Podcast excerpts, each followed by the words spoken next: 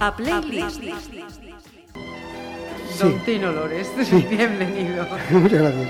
Entonces decía, quizás no supe hablar tum, tum, cuando te vi. Iba cambiando y haciendo el movimiento. de- A playlist. Saludos, invitamos en esta ocasión a la playlist de de Pontevedra Viva Radio a José Ángel Vázquez. Él es el director del Centro Penitenciario de Alama. Así que lo primero de todo, bienvenido Muchas gracias. y gracias a ti por dedicarnos además este, este tiempo que no son cinco ni diez minutos, estamos un buen ratito de, de charla. Me gustaría, José Ángel, comenzar mirando a tu DNI. No hace falta que me lo enseñes físicamente, pero imagino que pone José Ángel Vázquez, ¿qué más? Yáñez. Yáñez. Eh, hijo de Ángel y de Marité. eh, lugar de nacimiento. Eh, de A Coruña. Bueno, nacimiento, pero yo soy de Teixeiro. He vivido, me he criado en Teixeiro, Ajá. un pueblo del concello de Curtis. ¿Fecha? El 26 del 12 del 75. O sea que to- todavía queda por cumplir. Bueno, esperemos que sí, esperemos que sí. Mira, ¿cómo, ¿cómo te llaman en tu entorno personal? ¿José, José Ángel? Depende. En casa José. Sí, algunos amigos José Ángel, bueno, en el trabajo algunos Ángel. De todo un poco. me- realmente me da igual.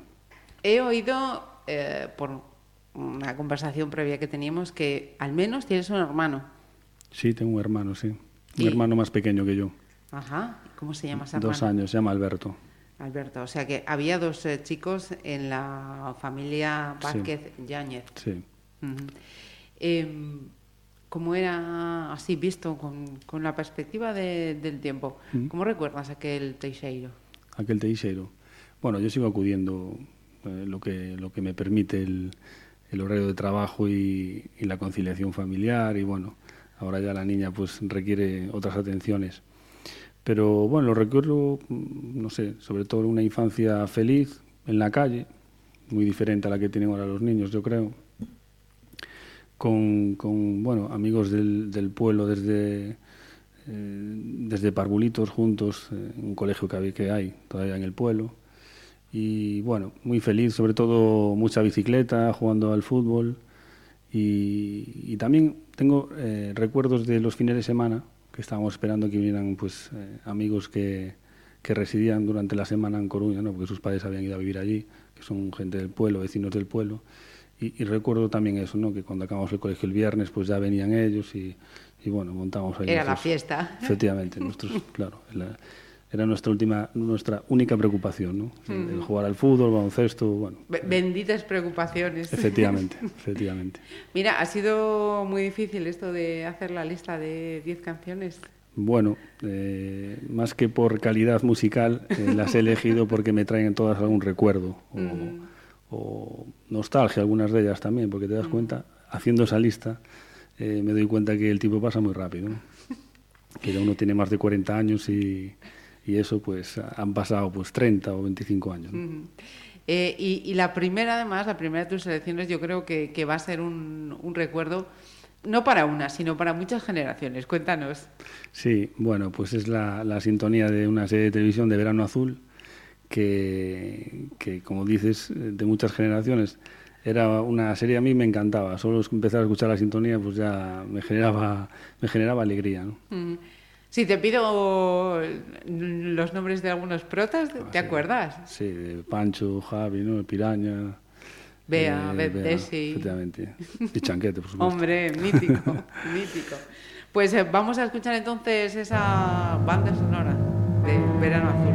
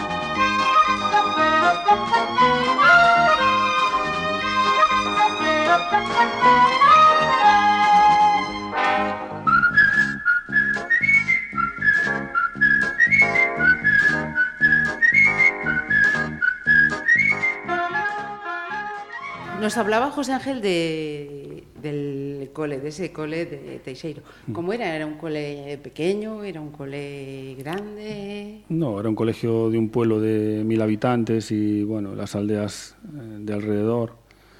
Era un colegio pequeñito, familiar, donde todos nos conocíamos, eh, los padres, conocíamos a, a, los abuelos de los compañeros. Bueno, la verdad es que...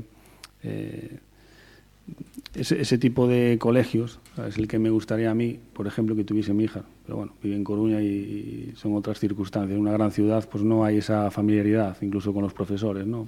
había profesores que eran del pueblo también. Sí, sí. Y, bueno, yo creo que ahora sigue igual, incluso con menos niños. Por desgracia, pues en el pueblo hay menos niños y, las aulas son, tienen menos, menos alumnos. Entiendo entonces que, que has vuelto posteriormente a ese cole después de... Bueno, ese cole, curiosamente, volví bastantes años más tarde a dar como unas clases de, ajedrez. Yo soy muy aficionado al ajedrez Ajá. y tenía, tengo un título de, monitor y cuando estaba trabajando en, la prisión de Teixeiro, pues tenía, bueno, pues por el horario bastantes, bastante tiempo libre y, y dos tardes a la semana creo que era iba de clase a los niños pequeñitos. Después ya cuando nació la mía, pues bueno, pues decidí, decidí dejarlo.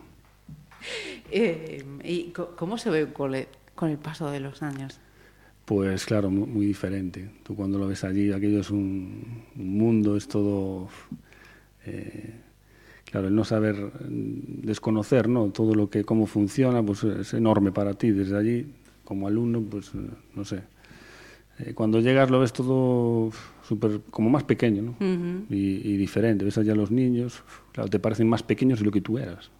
Tú sí, te creías que era leche, la de diseño, joder, yo, cuando estaba yo me, daba la sensación de que éramos todos más grandes, pero no, éramos pequeños, claro. Sí, sí, sí señor. ¿Y, y, de algún profe? Seguro que además, si, si te acuerdas de alguno, mm. Mm, es muy posible por cercanía generacional que, le recordemos como don algo o doña algo. eran todos don y doña. bueno, recuerdo incluso los, los motes, ¿no? De algunos de ellos, no todos tenían, pero... Sí, y con el paso del tiempo es curioso porque los profesores que, que menos te gustaban pasan los años y, algunos te das cuenta de que eran los que más te enseñaron. Cierto. recuerdo una, además era una vecina del pueblo, doña, doña Maruja, le llamamos que era muy estricta, pero que bueno, pues nos, enseña, nos enseñó un montón de cosas. Me acuerdo que daba historia y al final era de las asignaturas que más me, me gustaban. Ajá. Em, entre compañeros, José Ángel era mm, de los que llevaba la voz cantante o de los que pasaba desapercibido. Eh, pasaba desapercibido. Yo soy una persona bastante tímida. ¿Y, mm, ¿Y quién ponía la banda sonora en la casa de los Vázquez de Áñez? Bueno, en todo caso la pondría mi hermano, pero no éramos mucho de música, la verdad. ¿De radio? De radio, mm, sí, de radio tengo un recuerdo con mi padre, que siempre eh, los fines de semana estábamos eh, para comer. Estábamos esperando que empezara un programa que era Radio Gaceta de los Deportes, de Juan Manuel Gonzalo, que creo que ya Juan Manuel Gonzalo creo que ya falleció. Y lo escuchamos todos los sábados y todos los domingos. Vamos a esa sintonía que tenía. Y, sí, es verdad que tengo ese recuerdo. bueno, y después también, más adelante, eh, me dormía, pero ya adolescente, ¿no? Cuando era aquella guerra entre José María García y José Ramos de la Morena. Ajá. Yo era de la Morena.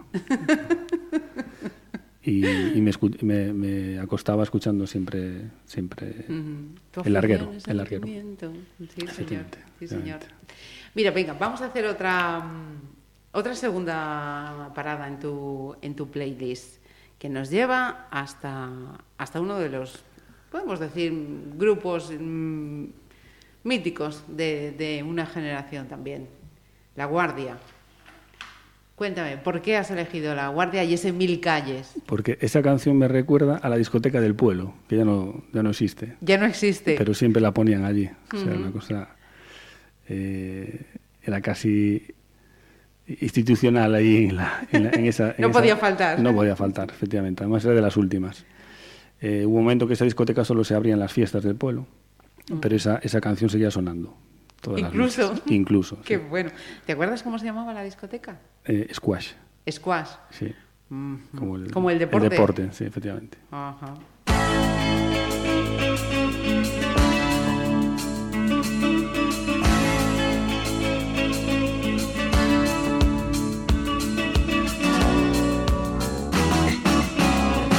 Calles llevan hacia ti y no sé cuál he de seguir. No tengo tiempo que perder y ya se va el último tren. Quizás mostrándote una flor o hacer que pierdas el timón. Poner tu nombre en la pared o amarte cada atardecer. Puedo perderme en el alcohol y dibujar un corazón. Fingir que existe alguien más que ahora ocupa tu lugar.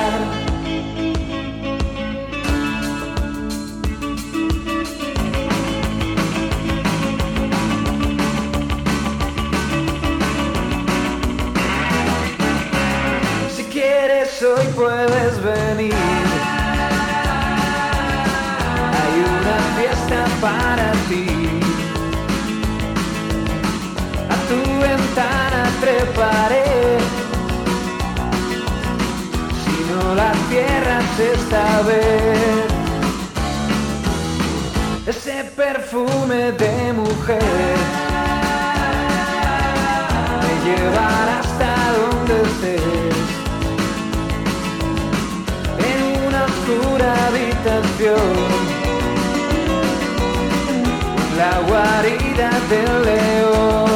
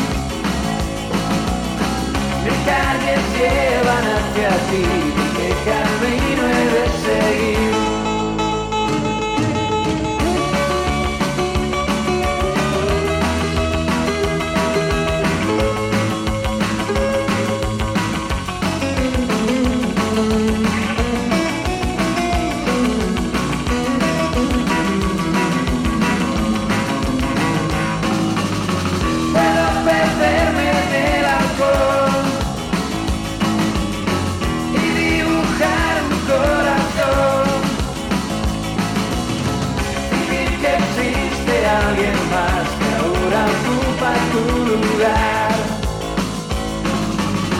Mis calles llevan hacia ti.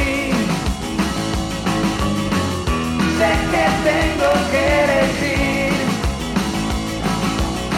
Mis calles llevan hacia ti, ¿qué camino he de seguir? Eh, nos has mencionado antes eh, la bicicleta, el fútbol.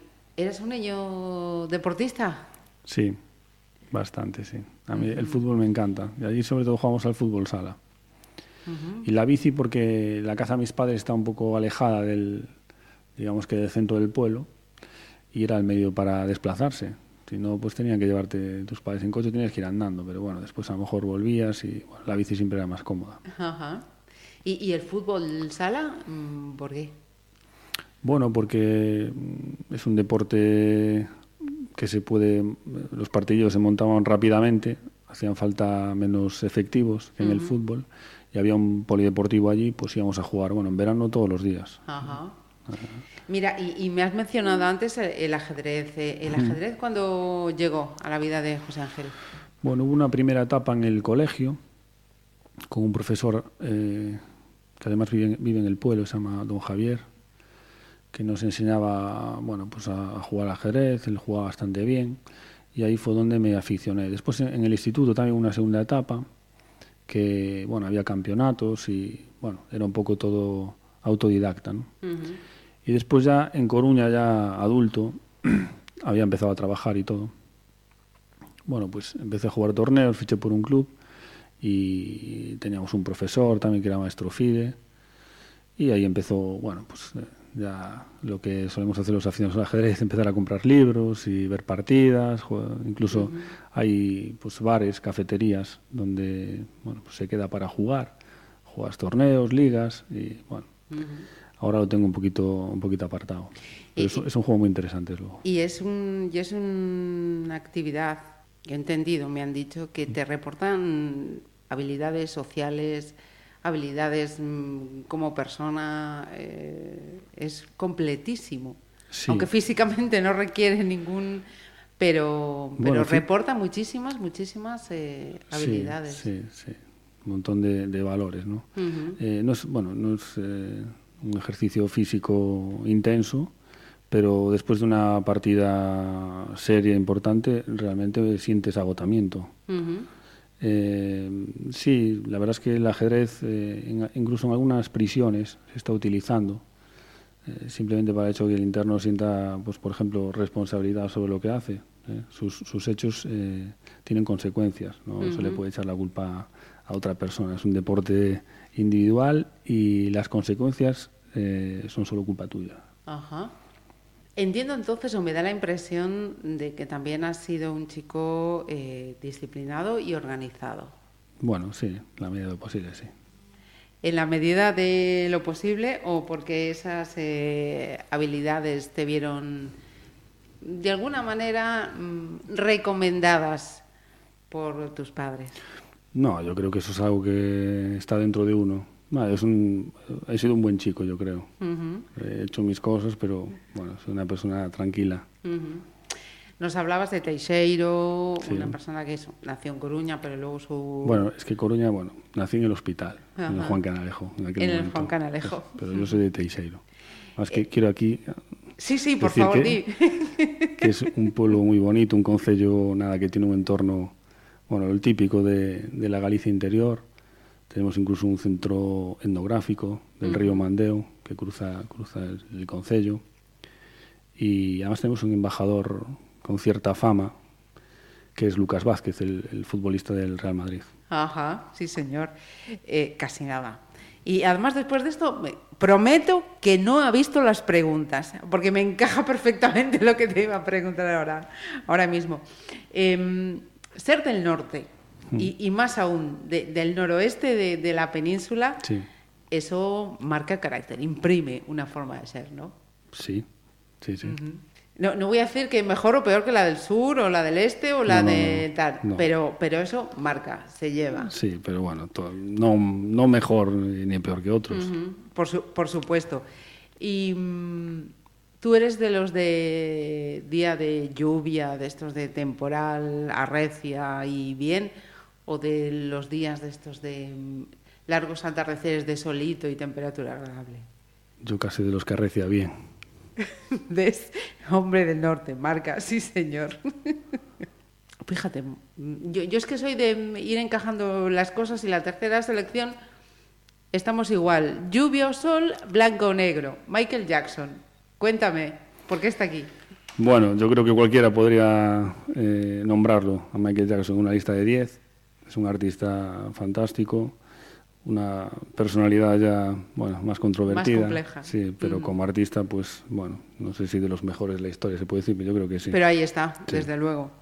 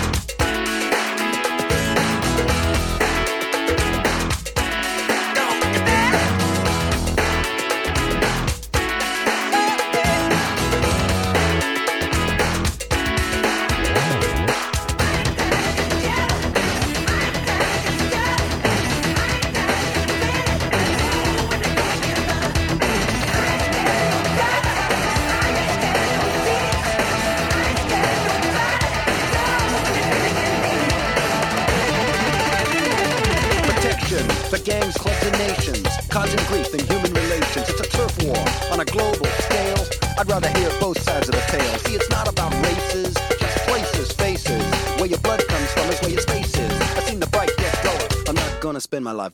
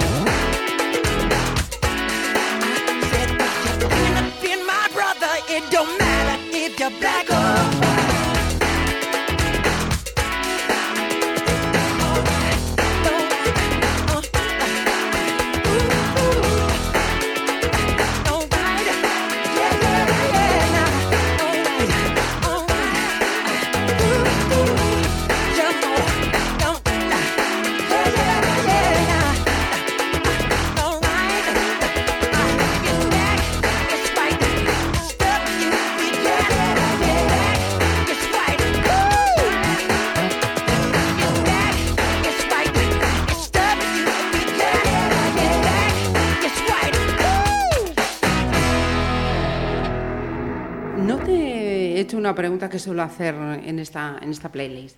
¿A, a qué se dedicaban tus padres? Mi padre trabajaba en, en mantenimiento de una empresa agrope- agropecuaria, Ajá. de Ruiz Mateos. De Ruiz Mateos. Ujú. Y mi madre, mi madre, bueno, fue ama de casa casi toda su vida. Bueno, hace unos años ya que trabaja en una clínica dental. Porque mi hermano tiene una, una minusvalía física. Ujú. Y, y, bueno, pues realmente mi padre fue el que trabajaba y ella fue la que tuvo que atendernos, sobre todo a mi hermano, ¿no? Ajá. Porque los primeros, hubo durante muchos años, fueron, iban a rehabilitación a Coruña, Ajá. de Betanzos, desde Teixeiro. Claro, no había autovía. A Coruña era una hora en coche, una hora ir y una hora volver. Ujú. Y bueno, eso, eso la verdad es que no, bueno, marcó un poco también nuestra, Claro, el ritmo de vida Sí. diario, lógicamente. Sí. Ujú. Esto viene a colación por, por la pregunta que te iba a hacer ahora. Cu- cu- ¿Cuándo eh, tuviste, claro, cuándo eres consciente de yo quiero eh, encaminar mi vida hacia área, esta- hacia esta disciplina? Esta... Bueno, pues realmente eh, es una profesión que, que de pequeñito nadie quiere ser funcionario de prisiones, no, no es vocacional. Sí, yo creo que si preguntas, Claro. no es de las respuestas. Sí, sí. Eh, yo cuando finalicé los estudios, pues eh, quise preparar una oposición eh, para funcionario y después de bueno pues de sopesar varias opciones y tenía también a un familiar que trabajaba en el, en el medio bueno pues me decidí por ahí me decidí sobre todo porque era una posición libre no era de concurso. Entonces digo bueno pues los mejores entran y no tengo que estar ahí eh, mirando si el de al lado lleva cinco años trabajando no como pasa con otras oposiciones eh, al estado y por eso me decidí por esa. Ahora con el paso del tiempo eh, estoy encantado. Me, me gusta el medio, me costaría mucho cambiar de, de institución. Es un trabajo que de cara a la sociedad somos, somos casi invisibles. ¿no? Cierto. Nadie sabe lo que hace o, o piensan que, bueno, seguramente por los tópicos cinematográficos, pues está muy, o sea, el típico director de prisión, alcaide, Entra- corrupto. entraremos por ahí, sí, Sí. entraremos por ahí. Bueno, no sé si quieres lo dejamos para más adelante. Sigue, Sí, sigue. Sigo. Bueno, y pues eso, que la gente no sabe, no sabe lo que, lo que hacemos, ¿no? Incluso cosas eh, meritorias se obvian.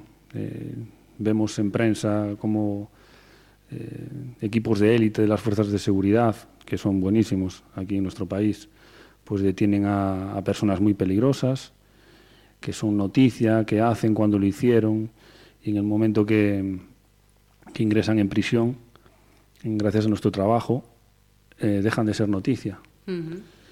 Eh, nadie le da mérito a eso, por lo menos es la percepción que nosotros, que nosotros tenemos. Ujú. Em, cuando terminé los estudios, eh, decías, eh, ¿hasta qué hiciste? Hiciste Relaciones laborales. relaciones laborales. ¿En? En Ferrol. Relaciones laborales en, en Ferrol. Y mm, ese paso a, a estudiar en, en este momento fue también eh, parejo a una independencia, quiero decir. eh, Sí, sí, porque cuando aprobé me fui a, a Madrid, a Soto del Real. Estuve allí un año.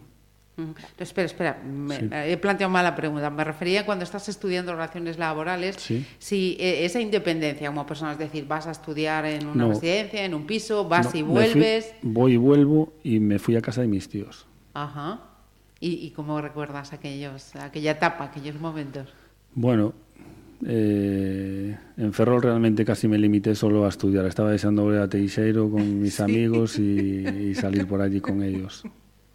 Después lo compaginaba con el fútbol también, que jugaba en el, en el Betanzos y bueno, no tenía mucho tiempo realmente para estar en, en Ferrol. Era una ciudad que con el tema de los astilleros pues había quedado, eh, daba la sensación de ser una ciudad desierta, Ferrol, Eh, en eh, aquellos años.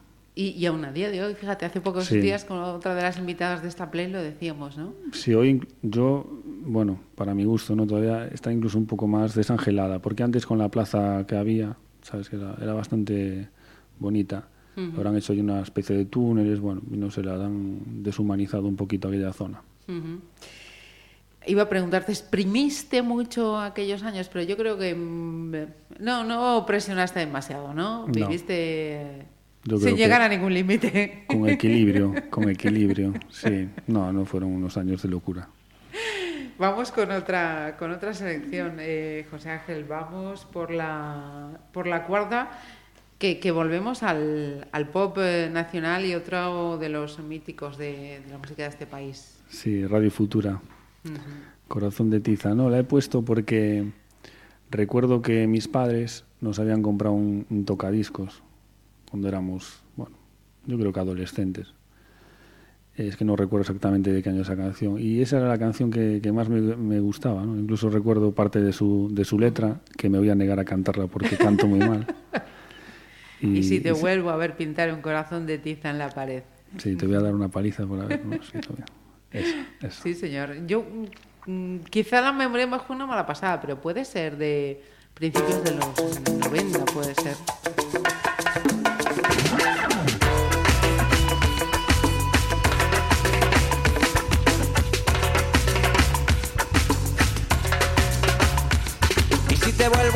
Pintar un corazón de tiza en la pared, te voy a dar una paliza por haber escrito mi nombre dentro.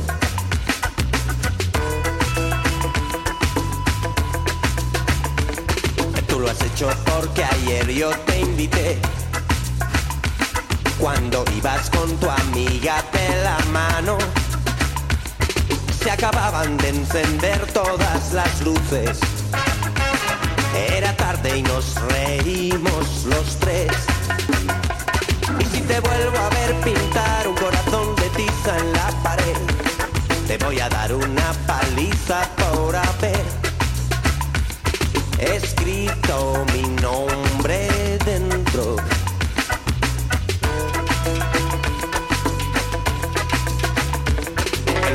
Estuve en la plaza y las horas se marchaban sin saber qué hacer.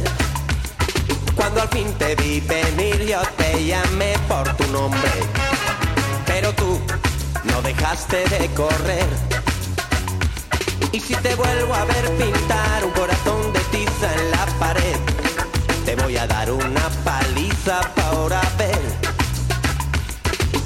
escrito mi nombre dentro.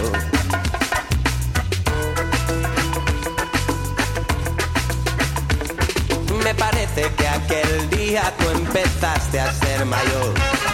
Me pregunto cómo te han convencido a ti. Te dijeron que jugar es un pecado. ¿O es que viste en el cine algún final así?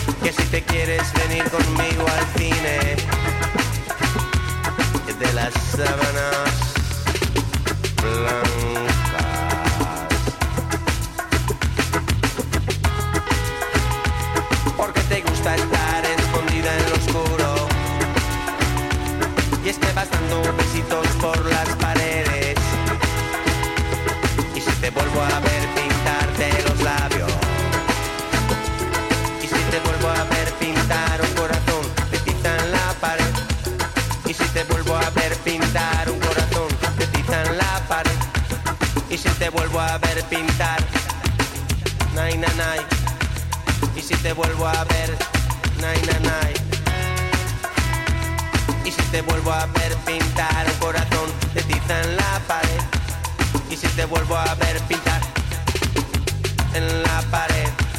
Na na na na na na na na. Na na na na.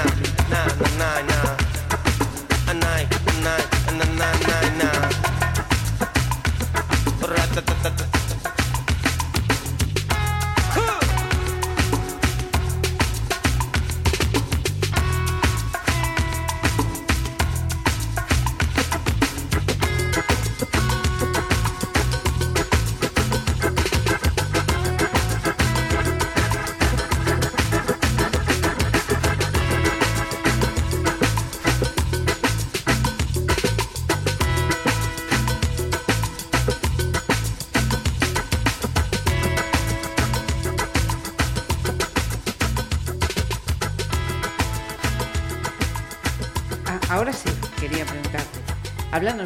primera experiencia laboral. Bueno, esa primera experiencia laboral, pues claro, con toda la ilusión del mundo, con 21 años, nunca había trabajado.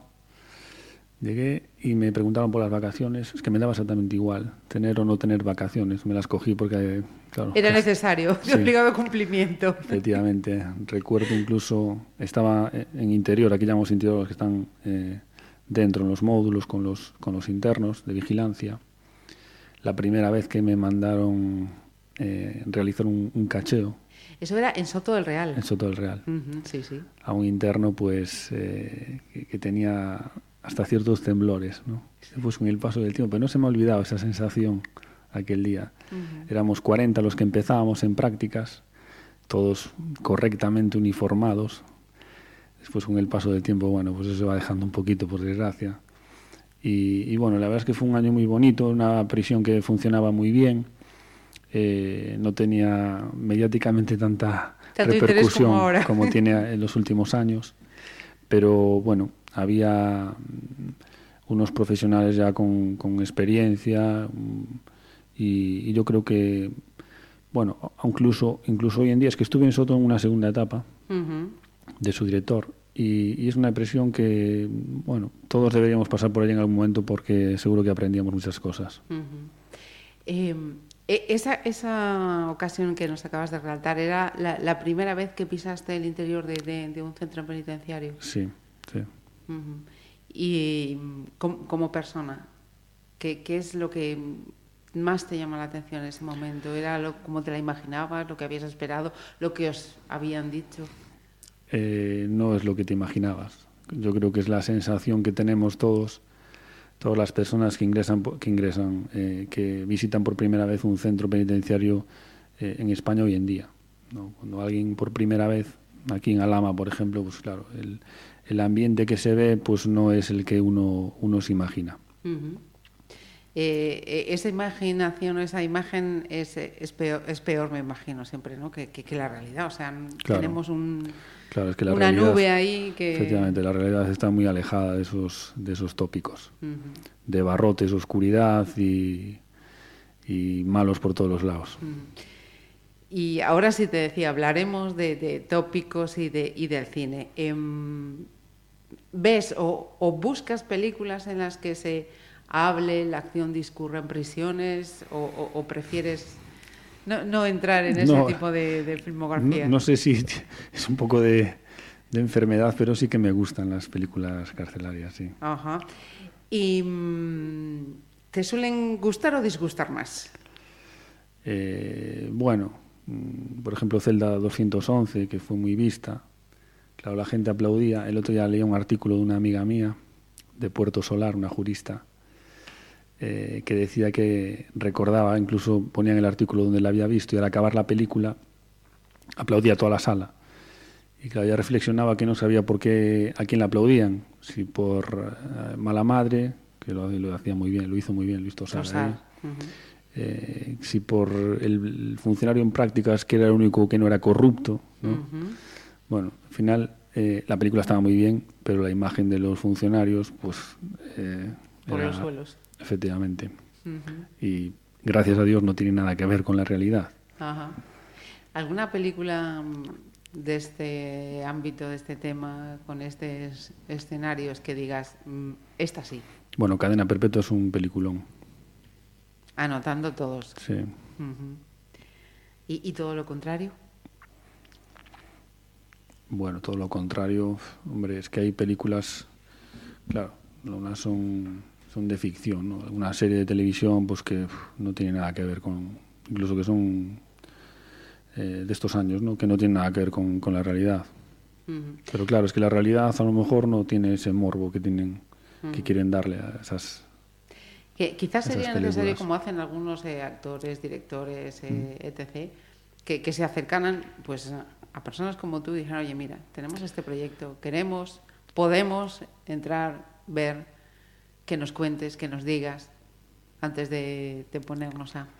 Sí, pero bueno, no sé, a lo mejor lo, los- lo que se hace dentro de una prisión, las numerosas actividades eh, terapéuticas, actividades eh, dentro del tratamiento penitenciario, pues no, no venderían No para, una película, claro. Eh, no sé, muchos programas como el TACA, terapia con animales, claro, ahí no podría hacer una película con eso. O internos que hacen talleres de, no sé, de habilidades sociales, están los talleres ocupacionales, programas de todo tipo. Talleres de radio. Efectivamente, un taller de radio, empresas del exterior donde trabajan los internos, como el trabajo productivo como elemento, bueno, de los elementos fundamentales del tratamiento. Bueno, todo eso no, no vende mucho. Eh, escuchábamos antes a, a Radio Futura y ahora nos vamos también. Seguimos aquí con los artistas Claro. que ha dado muchos y buenos, como Con Mecano. Mecano, sí, efectivamente. He elegido Cruz de Navajas, pero podíamos haber elegido muchísimas canciones. Además, ahora con el paso del tiempo, a lo mejor es porque nos hacemos mayores también, pero da la sensación de que no, o sea, no hay grupos de música, bueno, en el pop español como, como Mecano. Fue una, una década además tan, tan, tan prolífica, para bien y para mal, ¿eh? Sí, sí. Pero, pero ahí están. Y, y Cruz de Navajas, por algo eh, así en especial, decías, podía ser una de No, tantas. Sí, Ujú. me gusta, la canción es muy bonita, creo que es de un desengaño amoroso, me parece, ¿no? Ajá, efectivamente. Sí, bueno, pero podía ser cualquier, cualquier otra.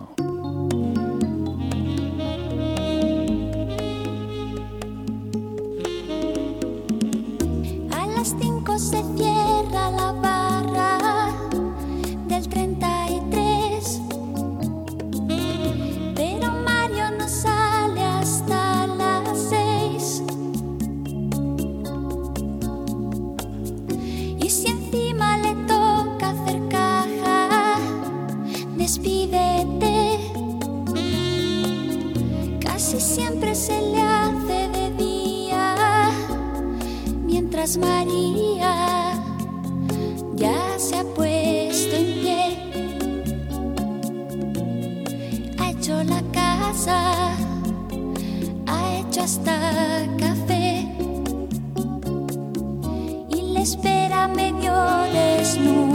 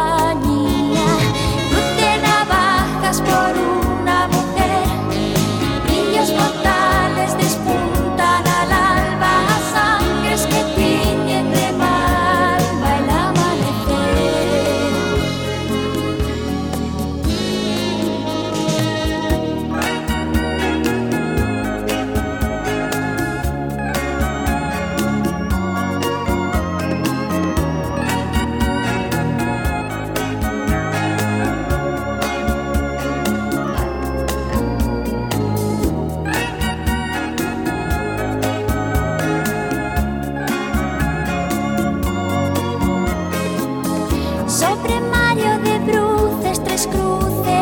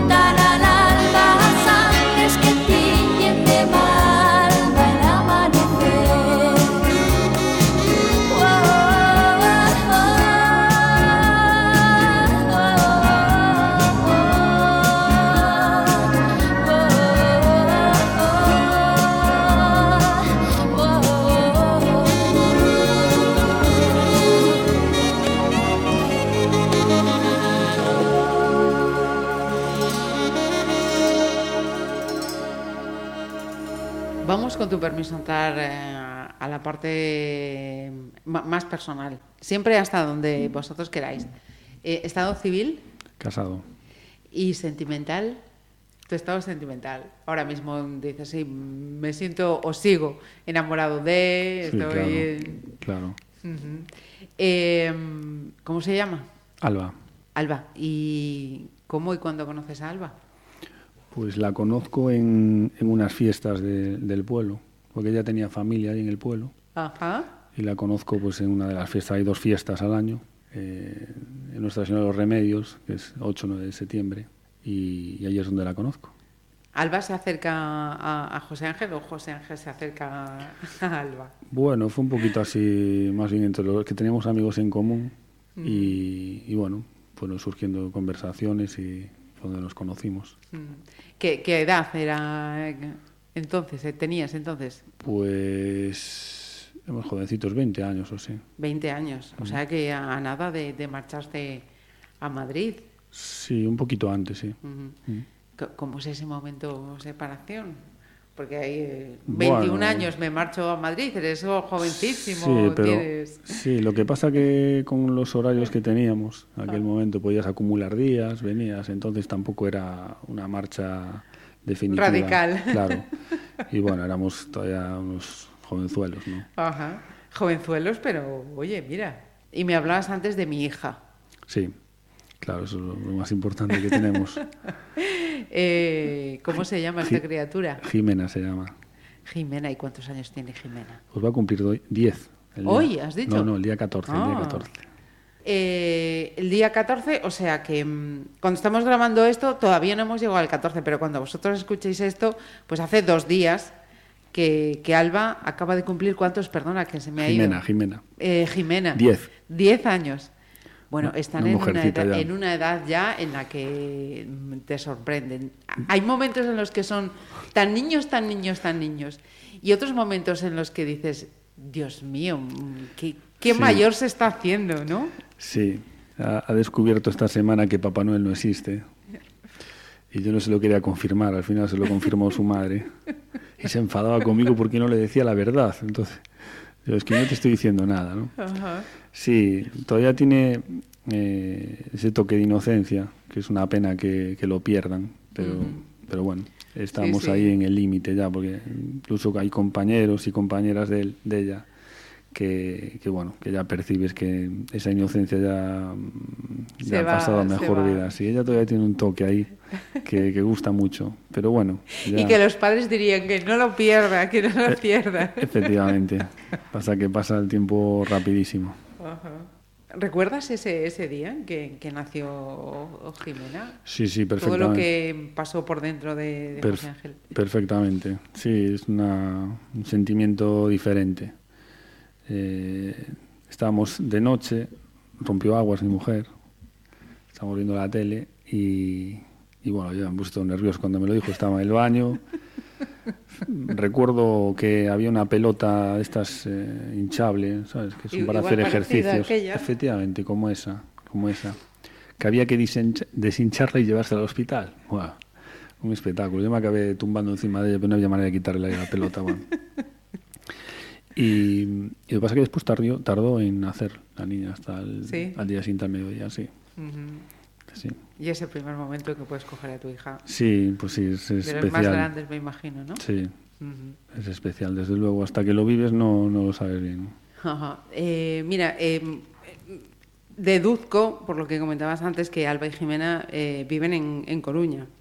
Tú estás ahí ahora Sí. con tu compromiso profesional. ¿Cómo, cómo lo llevas? Bueno, la verdad es que estoy acostumbrado porque, eh, claro, primero, primero me, fui, me volví a Madrid, después de estar trabajando en, en durante seis años. Volví a Soto del Real, estuve de subdirector un par de años. Ahí fue bastante más duro, ¿no? Porque era, bueno, con el avión, con el coche, al final acabas un poco cansado. Y después fui de, de director, me fui a, a Orense, a Pereiro de Aguiar. Ajá. Y bueno, ahí, aunque estabas a dos horas, pues ya te parecía que estabas casi en casa. En casa. No podías ir un día a la semana o dos hasta casa. Y más o menos es lo que hago aquí, ¿no? Cuando no tengo que trabajar por la tarde, pues me, me desplazo hasta Coruña. Eh, La que más lo siente, sobre todo, es, es la niña. ujú. o, o yo, no sé, claro, claro. Pasa que ella lo verbaliza más cuando, cuando lo siente. Eh, era, te preguntaba precisamente porque mm, eh, esto, este trabajo con- conllevas una, una movilidad eh, profesional que supongo que, que- que también al final acaba siendo modo de vida, ¿no? Y de, y de plantearse las cosas, ¿no? Y estoy aquí, mañana estoy aquí, dependo de, de donde me, me envíen. Sí, sí, la verdad es que sí, que hay momentos eh, ingratos y que, claro, que, que valoras si, si esto realmente vale la pena, ¿no? Pero bueno. La respuesta es que sí. Sí. sí, Aunque sí. más por momentos, y depende cuando te preguntase, me dirías, bueno, igual, No, igual. bueno, si estamos aquí es porque, porque en esa balanza pues eh, gana evidentemente lo positivo. Eh, ¿Te meto en un compromiso si te pregunto algún lugar donde te hubiera gustado seguir? Mm, seguir. Sí, de los Trabajando. destinos en los que has estado, sí. Bueno, a mí me gusta mucho Alama porque es el, el- no sé si llevo siete, ocho centros y desde el primer día pues me, me he sentido muy a gusto, una sensación un poco extraña. Sí. O sea, de llegar y, y darte la sensación que llevabas más tiempo, ¿no? Un acogimiento muy bueno por parte de- del equipo directivo que había en aquel momento, por parte, yo creo que de la plantilla también. Y somos más de 500 trabajadores allí, 501 creo exactamente ahora. O sea que Podemos es una de las empresas más grandes de, de Pontevedra, ¿no? Y bueno, la gestión del personal, yo creo que con ese número de, de profesionales pues no es, eh, no es complicada. Y lo que hace bueno este centro, porque ya arrastra una fama, yo por referencias de hace años ya, ¿no? que, que tenía un buen funcionamiento, yo creo que sobre todo pues estos, estos profesionales que, que bueno, que aunan sobre todo versatilidad y, y equilibrio ¿no? en, ese trabajo, porque somos 501, pero el trabajo que desempeñamos nosotros es muy diferente, ¿no? Y esa, esa, Esa ese- cadena es como una correa de transmisión. Efectivamente, hay que complementarse bien y yo creo que aquí, pues eso, lo que decía antes, no hay un equilibrio que es el que, el que hace que, que el centro funcione bien desde hace muchos años. En- era finales de 2015, ¿no? Cuando llegas, si la memoria no me... Sí, el 26 de octubre. Vamos con, con otra selección, que hemos pasado ya la, la mitad de, de la, de la tabla. Ah, bueno, Ah, sí, vamos. Alejandro Sanz, ¿no? Sí, cuéntame. Pisando fuerte. Bueno, pues es un artista que, que me ha gustado desde el principio. Y a lo mejor estoy equivocado, pero me da la sensación de que es un profesional bastante serio, con una trayectoria, bueno, pues eh, seria y como que sabe bien lo que quiere, ¿no? Y, y bueno, por eso, por eso lo he elegido. Pod- Y además he elegido esta canción porque creía, o creo que es de las primeras, pero podría haber elegido cualquiera. ¿no? Mm, La verdad es que es un, un artista, a mi punto de ver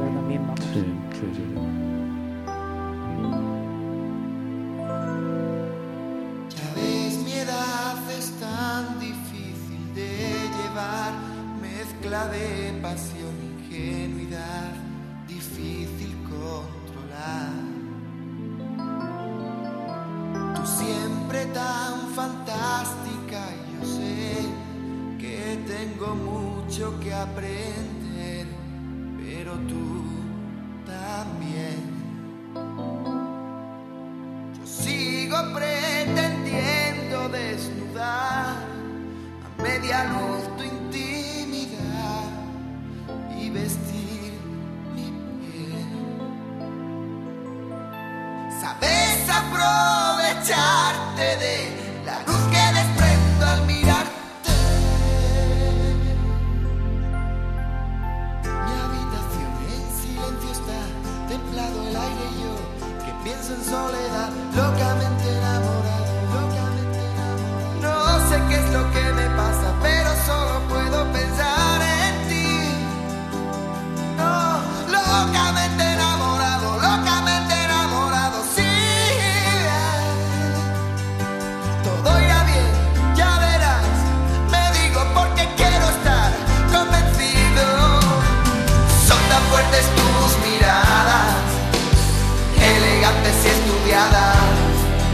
solo un adolescente, pero entrar en tu mente, pisando fuerte, pisando fuerte, compartiendo las miradas, con las luces apagadas. Empiezo a sentirme yo mismo, a sentirme más seguro, pisando fuerte, pisando fuerte.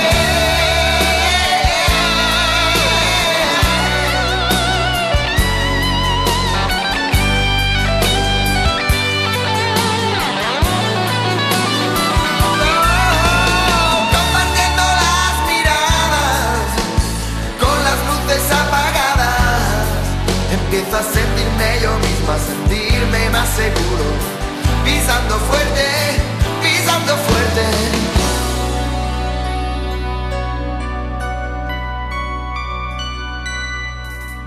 Es tan bonito esto de soñar, tan violento.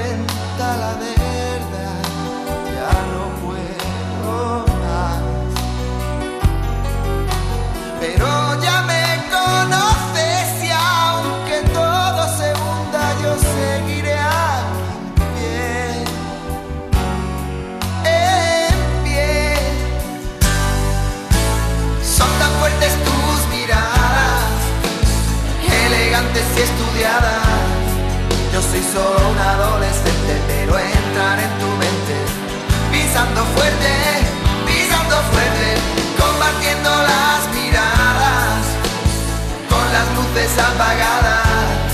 Empiezo a sentirme yo mismo, a sentirme más seguro, pisando fuerte, pisando fuerte.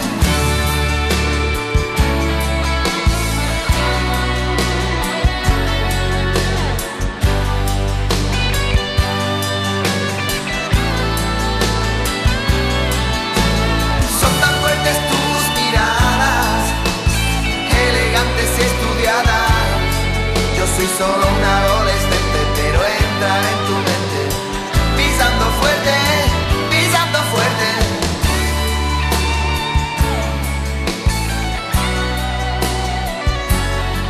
Yo soy solo un adolescente, pero entrar en tu mente, pisando fuerte, pisando fuerte.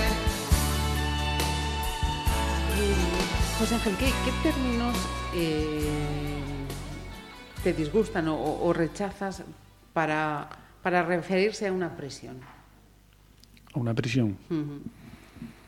Bueno, más que una prisión, eh, a los profesionales, ¿no? El otro día leí una noticia en prensa donde nos llamaban guardias.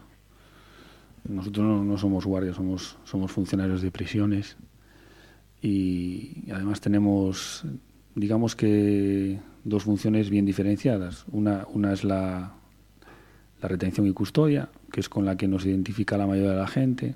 Tenemos que dar cumplimiento, está claro, a las resoluciones judiciales pero, pero por otro lado también está eh, bueno, nuestro fin, el que nos marca la Constitución, que es la, reinserción y la reeducación eh, social de los penados. ¿no? Y ahí pues hay evidentemente dos intervenciones, una son las socioeducativas, la, la formación, la cultura, el trabajo penitenciario, etcétera, y por otro lado pues eh, esa intervención psico, psicopedagógica, ¿no? sobre ya problemáticas más específicas y, y todo eso mm, la gente lo, lo desconoce. Y, Eh, y, bueno, aparte de estos tópicos, preguntas ¿no? de señoras, mira, ¿y ¿no lleváis pistola? Pues no, no, no llevamos pistola. Ujú. ¿Y ¿Estáis en contacto con ellos? Claro, y usted en la calle también, ¿sabe? Ujú. Es que es como si la gente entrara ahí y desaparecieran, pero no, siguen formando parte de la sociedad y la reinserción al 100% no existe ni va a existir, pero bueno, a veces también, bueno, estoy seguro que los internos salen mejor de lo que entran y en muchos casos se, se reinsertan. Y es una satisfacción a veces, eh, incluso ver cómo estas personas, eh, bueno, yo una vez a la semana eh, doy audiencias a los familiares que lo solicitan, ¿no? Y como pues, padres a lo mejor, bueno, por poner un ejemplo, pues te dan, te agradecen que cómo se encuentra su hijo después de estar X tiempo en prisión, ¿no? Ujú. Eh, internos que han perdido pues cualquier relación con su entorno familiar o, o social y después de un tiempo pues eh, interviniendo nosotros pues digamos que se normaliza esa situación ¿no? Ajá, qué grande. Mira, y mm, me ha respondido ya a la siguiente pregunta, porque de hecho la reinserción al 100% no existe, y yo le voy a preguntar, ¿qué grado de realidad o de ideal social eh, le das a, a la reinserción? Bueno, yo realmente realmente no tengo no tengo datos sobre eso, ¿no? Eh, sí sé que la última vez que hicieron un, un estudio, creo que en la Secretaría General, sobre los internos que mm, estaban dentro del programa de respeto de máxima exigencia, el índice de, de- de reincidencia estaba en torno al 14%, que yo creo que es eh, bastante bajo. Ajá. Eh, tengo mucha curiosidad por saber por qué vamos a escuchar ahora a Camarón. A Camarón. Bueno, es que después de estar en Soto, me fui para Huelva cuatro años, ¿no? Y los últimos tres trabajé en el mismo módulo y había un interno, que no recuerdo de etnia gitana, que no recuerdo exactamente cómo eran los apellidos porque eran comunes para, para en esta etnia, ¿no? Y, todas las tardes, en la apertura de celdas, con aquel, aquel calor que había allí en aquella prisión, eh, pues se escuchaba esta canción de Camarón. Y a medida que las puertas eran eléctricas, como las de Alama, y a medida que se abrían las puertas, esa, esa voz de Camarón cada vez era más fuerte, más fuerte, ¿no? Ajá. Y, y nada, me quedo con esa, con esa canción, Con el Soy gitano, ¿no? Y vengo a tu casamiento. efectivamente. Que era una canción que, que, que ya tenía bastantes años. Yo creo que incluso Sí. estaba, Camarón ya había fallecido ya, ¿no? Porque Ujú. era en el, en el año 99 o 2000.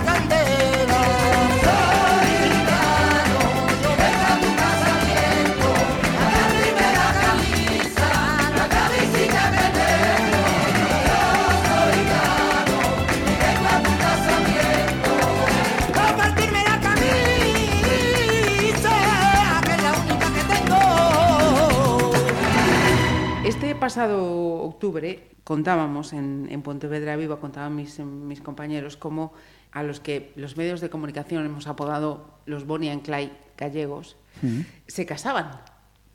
Eh, ambos son internos de la prisión de Alama y entre las vicisitudes previas he leído, eh, les he leído a ellos, a esta ceremonia eh, estaba un posible traslado. Y que finalmente ese traslado no se produjo por la sensibilidad del director de esta prisión.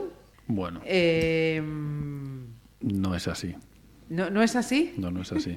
O sea, el director de la prisión eh, tiene mucha sensibilidad, pero bueno, una cosa es el trabajo y otra cosa es los, los sentimientos, ¿no? Eh, los traslados de los internos los decide la Secretaría General. Entonces, eh, es, bueno, a veces se proponen traslados o no y la Secretaría General pues decide dejarlos o trasladarlos. Nada más, pero no hay nada de cierto en todo eso. Si yo lo escuché, no, eh, creo que es la hermana ¿no? de- interno la que lo decía, pero bueno, no, había leído lo del director, pero no, tengo sensibilidad, pero no hasta ese punto. Mira, y, a raíz de, de este caso eh, concreto, parece eh, que, que en la sociedad nos olvidamos que los internos también tienen sentimientos. Claro, por supuesto. Los internos pues son personas, como, como están hoy están presos, pero no están en la calle mañana. O sea, no se van a quedar ahí Y para cuando siempre. pasan esa puerta no se les arranca nada para que dejen de, Efectivamente. de sentir como cualquier persona. Sí, y hombre, yo creo que encima en esa situación, ¿no? Pues encerrado, pues seguramente estén más a flor de piel todos, todos los sentimientos. No, antes decía que tengo sensibilidad, pero no hasta ese punto, porque digo que hay, hay situaciones que, que pesan más que, que dos personas puedan estar casadas o no, ¿no? Incluso se pueden ir juntos a otra prisión, que es lo que a veces, bueno, lo que hacemos normalmente. Cuando un interno se tiene que ir, pues si, si su pareja se quiere ir, pues se- se le trasladaría por vinculación familiar. Sí que hay que tener una pasta un poquito especial, ¿no? Para, para entender, para ver tanta situación difícil, compleja, dura, como se tiene que ver a diario en, en una prisión. Sí, pero bueno, pues yo creo que también como otras profesiones, como los sanitarios, ¿no? que también ven a veces cosas, cosas muy duras. Eh, la dificultad de este trabajo es que, claro, al trabajar con personas, pues dos más dos no, no siempre son cuatro. no, hay normas que, que no siempre eh, tienes que llevar hasta el final con todos los internos porque hay muchas circunstancias que, que, bueno, que te dicen que tienes que adoptar otra postura, ¿no? Y claro, lo que decía antes, la dificultad de, de trabajar con personas y con problemáticas tan diferentes. Allí, bueno, pues la tipología delictiva es eh, muy variada. No tiene nada que ver el interno yihadista con el, con el conductor imprudente, ¿no? Que va a cumplir allí dos meses. Bueno, pues no tiene nada que ver. Y cómo debemos tratarlos tampoco, por eso hay tantos, tenemos tanta variedad de intervenciones, ¿no? Lo que se puede aprender escuchando, escuchando a este hombre. Mira, mi descubrimiento de esta playlist. Cu- cuéntame, por favor, porque tengo curiosidad por saber. Daniel Minimalia. Bueno, pues es un guitarrista, un compositor eh, orensano, que es hijo de unos compañeros y que realmente es un, un artistazo. Le llaman eh, el Michael Field español, creo que no le gusta eso. Creo que no le gusta ese, ese apodo, por lo que me dijo un día su madre, pero, pero es muy bueno. Eh, ha recibido algún premio en Hollywood Ajá. y ha sido nominado, estoy hablando de memoria, yo creo que ha sido nominado alguna vez a los Grammy Latino. Caramba. Sí. Y, y lo Además, esa canción, Orense. sí, esa canción eh, canta, colabora con el Rosa Cedrón, Ajá.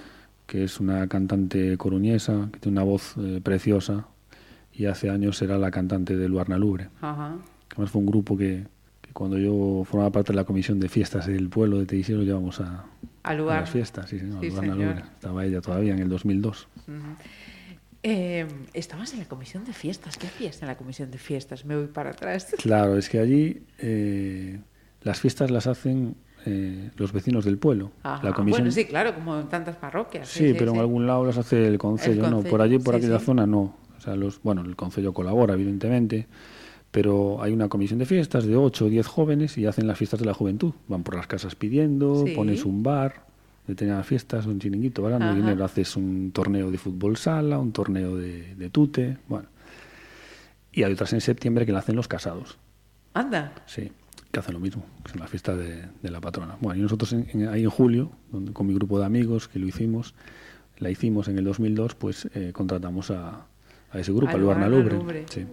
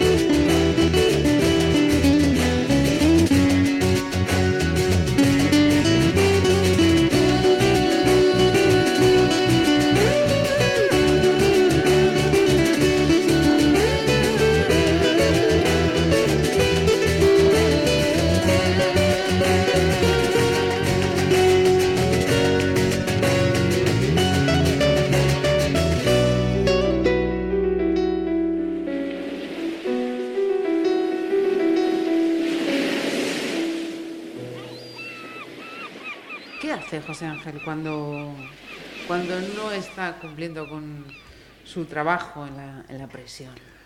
Bueno, pues sobre todo estar con... Con, Con con tus mi- dos mujeres. Efectivamente.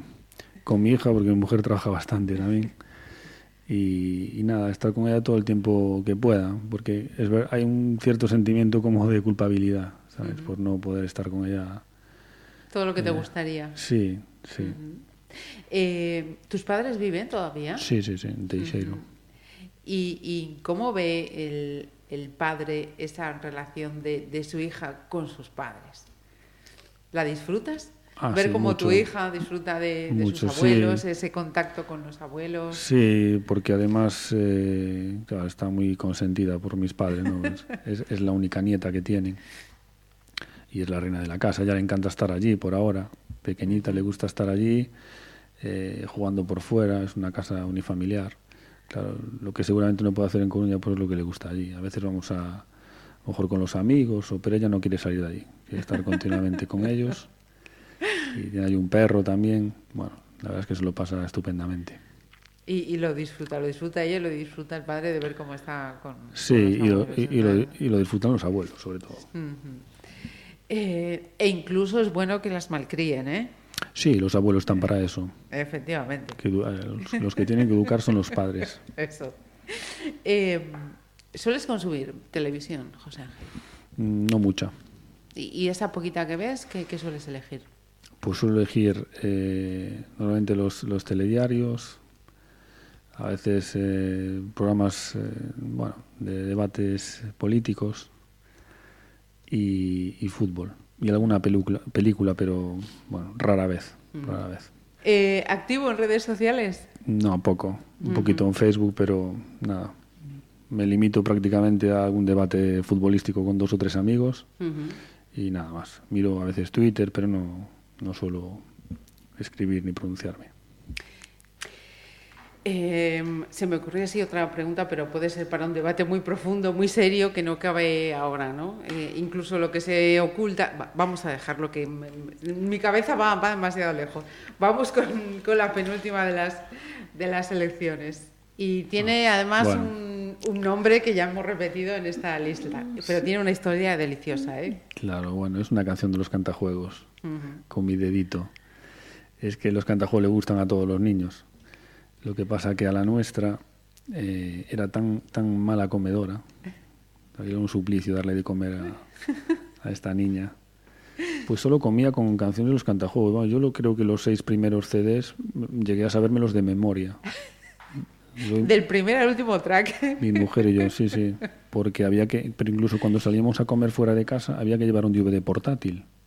A un restaurante, a casa de mis tíos, a casa de mis abuelos. Había que llevar el DVD portátil, que además eh, las ese CD solo duraba, tenía unos efectos de unos 10-15 minutos, porque a partir de ahí ella volvía en sí, sabiendo que estaba comiendo y dejaba de comer. Mientras escuchaba la música y estaba, además una niña muy expresiva con los ojos así grandes y tenía unos movimientos de manos, bueno, eh, hablaba con las manos, tan pequeñita. Y esa canción de Con no me acuerdo cómo movía ella los dedos, ¿no? Ajá. Que podía haber puesto cualquiera porque, bueno, como te dije antes, me sabía los Era la banda CDs. sonora de las comidas. ¿no? Sí, sí. Era, bueno, Afortunadamente aquella época ya pasó, Sí, ya sí, no pero- da esos quebraderos. sí, pero la recuerdas con, con, con cariño también, claro. Sin duda, sin duda.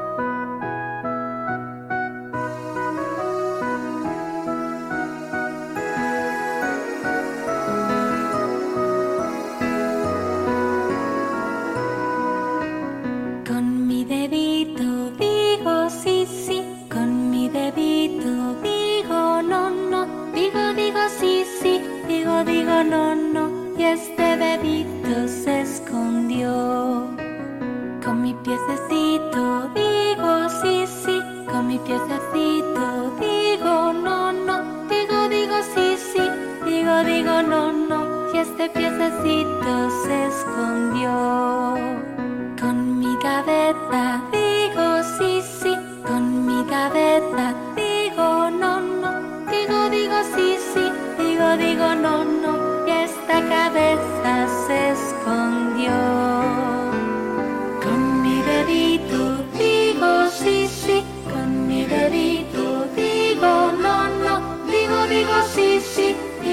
Digo, digo no, no, y este dedito se escondió. Con mi piececito digo sí, sí, con mi piececito digo no, no, digo, digo sí, sí, digo, digo no, no, y este piececito se escondió. Con mi cabeza digo sí, sí, con mi cabeza digo no, no, digo, digo sí, sí, digo, digo no, no, esta cabeza se escondió. Hemos llegado ya a la última selección y, y a mí se me ha pasado el tiempo eh, volando. Tres últimas preguntas. Mm. Eh, ¿Qué erradicarías de, de las prisiones? Bueno, de, la prisi- de las prisiones, mm, como de la sociedad, ¿no? Yo, yo creo que las drogas. ¿Y qué tendría que haber inexorablemente en las prisiones? En las prisiones. Bueno, pues en todas las prisiones tendría que haber, no sé, eh, una, una plantilla como la que tengo aquí en Alama. Bien, bien.